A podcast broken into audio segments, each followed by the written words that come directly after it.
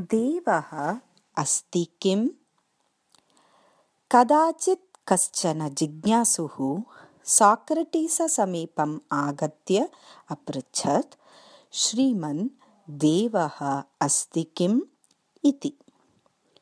साक्रटीसः अवदत् न देवः सर्वथा नास्ति। अनन्तरदिने अपरः कश्चित् आगत्य साक्रटीसं तमेव प्रश्नम् अपृच्छत्। तदा साक्रटीसः अवदत् इति।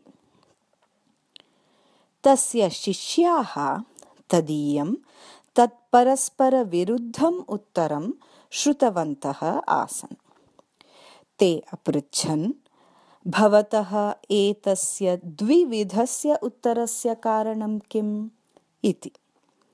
तदा साक्रटीसः अवदत् चर्ममयाभ्यां चक्षुभ्यां ये देवस्य आकारं द्रष्टुमिच्छन्ति तान् उद्दिश्य अहं वदामि देवः नास्ति इति। किन्तु ये सर्वप्रेरिकां शक्तिं स्वविवेकेन द्रष्टुं शक्नुवन्ति।